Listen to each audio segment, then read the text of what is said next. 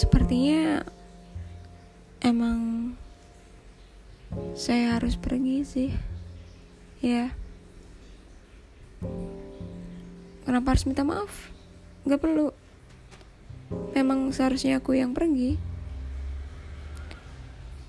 Karena bukan karena kehilangan bukan. Karena memang dari awal aku gak merasa pernah memiliki kamu